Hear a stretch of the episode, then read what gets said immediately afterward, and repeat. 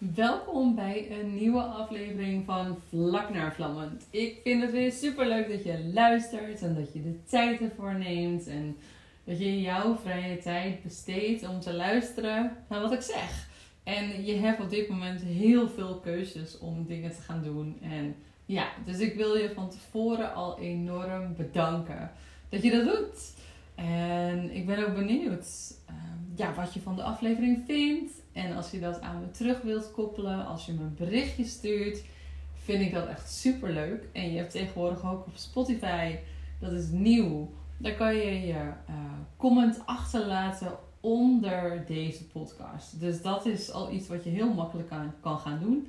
En dat zou ik heel erg fijn vinden, want dan leer ik ook weer wat je ervan vindt, of wat voor podcast je graag van me zou willen horen en wat je graag zou willen leren. Ja, dus dat allemaal.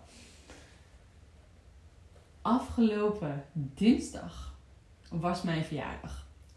En ik was weer in Nederland voor het eerst in een paar jaar thuis. En het was druilerig en het was nat. En uh, het weer wat ze voorspeld hadden was ook niet zo fijn. En aangezien ik mijn verjaardag de laatste jaren op een tropisch eiland heb gevierd, voelde het aan de ene kant best wel een beetje als een domper. Dat ik dacht van, oh, ga ik nu echt mijn verjaardag vieren in dat natte, koude Nederland? En toen dacht ik van, oh wow, dit is een mindset. Dit is echt een manier hoe ik nu even aan het kijken ben. En dat is niet een hele positieve manier. Dat gaat me ook zeker niet helpen, want ik kan me niet in één keer teleporten naar een tropisch eiland.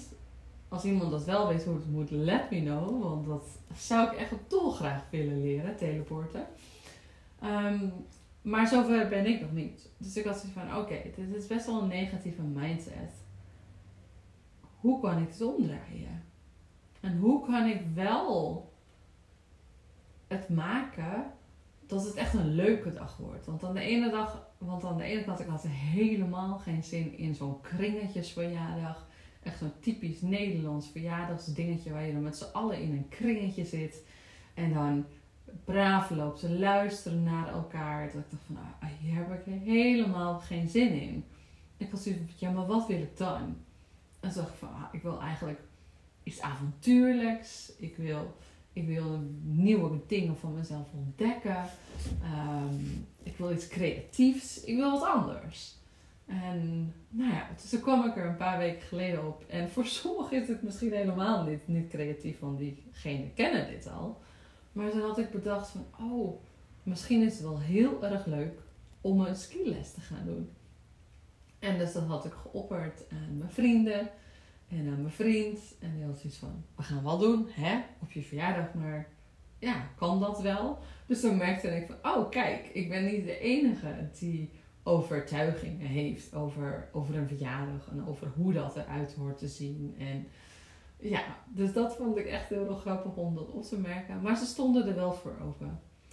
En uh, ik heb nog nooit geskiet. En het is, skiën is, is voor mij e-, echt al een dingetje waarvan ik van, oh, dat wil ik echt nog een keertje meemaken. Ik hou van, nou ja, het wit sneeuw en het avontuur erin, de snelheid, denk ik.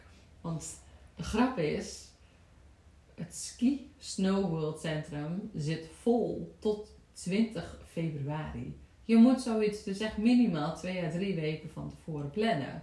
Dat kan dus niet als dat zomaar komt opzetten, dan heb je dus pech. Of ik moest helemaal naar Limburg rijden, naar Landgraaf. En toen was ik van ja, 3,5 uur in de auto zitten voor een skiles voor een uurtje. Wil ik dat? Of zijn er nog andere leuke alternatieven? Nou, dus ik een beetje nadenken, een beetje kijken. En toen herinnerde ik mij dat ik tijdens mijn wereldreis tegen een klimwand aanstond, ergens in Australië. En hoe bevrijdend dit was en hoe gaaf met de hoogte en ja, de vrijheid ervan. Dus ik was van, oh leuk, dan gaan we klimmen. Dus ik uh, klimhallen gebeld. Wat blijkt, je moet een certificaat hebben en je moet een pasje hebben. Want ja, je moet jezelf en de anderen heel goed kunnen zekeren. En van mijn vrienden hadden maar één iemand een pasje. Dus dat betekent dat, dat we nog allemaal lessen moesten hebben. En dat we echt minimaal, wat was het, vier lessen moesten hebben voordat we dit überhaupt zelf konden gaan doen. Ik dacht, nou, ook een doodeind. Dit gaat hem ook niet worden. Wat dan? Wat dan? En toen uh, kwam een van mijn vrienden met, met het alternatief. Waarom gaan we dan niet boulderen? En boulderen is eigenlijk het alternatief van klimmen. Het voordeel van boulderen is dat uh, je het kan doen zonder ervaring. En dat het is zonder zo'n valtuigje. En dat het is zonder touw. En de wanden zijn maximaal 4 meter hoog in plaats van 20 meter. Nou, dus helemaal leuk. En je hoeft ook niet te reserveren. En, dus dat kon nog allemaal last minute. Dus uiteindelijk hadden we de avond van tevoren, de avond voor mijn verjaardag, de keuze gemaakt om te gaan bolderen. We zijn met z'n allen naar Amsterdam. Eerst lekker appeltaartje gegeten en toen door naar de bolderhal. En dan krijg je als eerste van die veel te krappe schoentjes aan, maar dat hoort. Want dan ja, heb je betere grip tijdens het bolderen, tijdens het klimmen. Maar het is net alsof je jezelf in een maat kleine of twee maten kleinere schoenen probeert te proppen. En je tenen hebben echt zoiets van: pardon, wat ben jij aan het doen? Nou, uiteindelijk hadden we allemaal die schoenen aan en wij naar, zo'n wand met z'n allen. En ik heb mezelf zo blij verrast. Ik kon hoger dan ik had verwacht. Ik kon verder dan ik had verwacht. Ik was sterker. Ik kon moeilijkere parcours aan dan ik had verwacht. En dus dat was ik even op een afstandje aan het bekijken. Dat ik dacht van wauw. Het verschil tussen wat mijn hoofd mij vertelt wat ik kan. En wat ik doe. En hoeveel verder ik kom. Zijn wel echt twee verschillende werelden. Dus hoe kan dit? Dat dit zulke twee verschillende werelden zijn. En toen kwam één keer het inzicht. Dat komt omdat ik mijn vrienden naast me heb staan. Het komt omdat ik hier ook meerdere mensen, en sommige momenten één, iemand naast me heb staan die mij aanmoedigt. Die me aanmoedigt om net iets verder te gaan.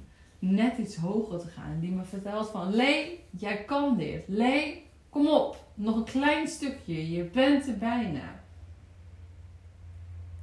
Dat ik me echt realiseerde dat als ik alleen in die bolderhal had gestaan, had ik veel eerder opgegeven. Als ik alleen in die bolderhal had gestaan, was ik echt niet zo hoog gekomen, echt niet zo ver. En had ik mezelf niet zo blij verrast zoals nu.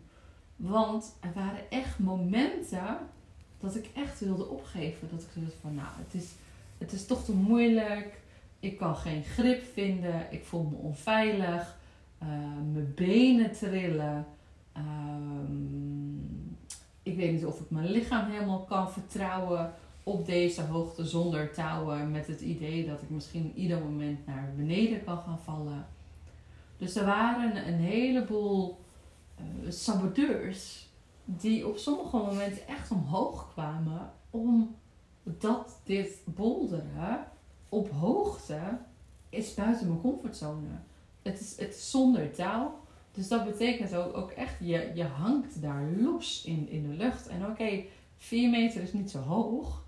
Maar als je er eenmaal staat, is het voor mij in ieder geval wel hoog. En dan komt toch dat innerlijke dier, dat innerlijke brein, dat innerlijke dier wat we, wat we nog in ons hebben, wat we hebben overgehouden van de prehistorie, die komt dan naar boven en die vertelt mij, ja, dit is niet veilig hoor. Nee, je zit niet vast.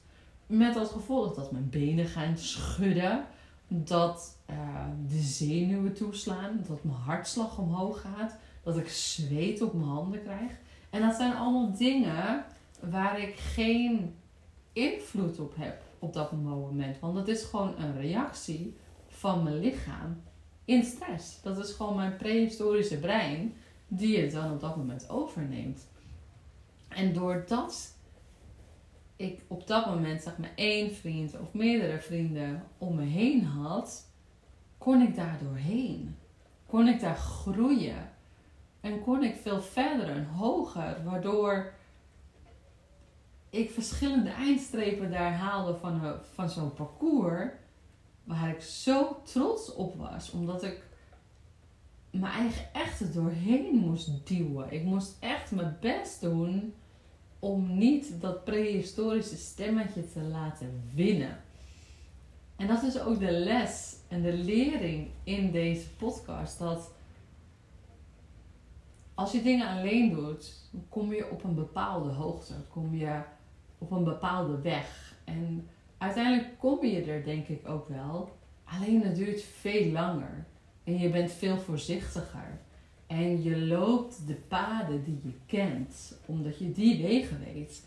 En niet de paden die je niet kent. En doordat er dan iemand naast je staat, in dit geval was het ehm, een, vriend van mij. En dit kan natuurlijk ook een coach zijn. Dit kan natuurlijk ook een, een familielid zijn. Weet je? Het kunnen heel veel verschillende mensen zijn die naast je staan. Maar om het toe te laten dat er iemand naast je staat en jou aanmoedigt. Wauw, dat ja.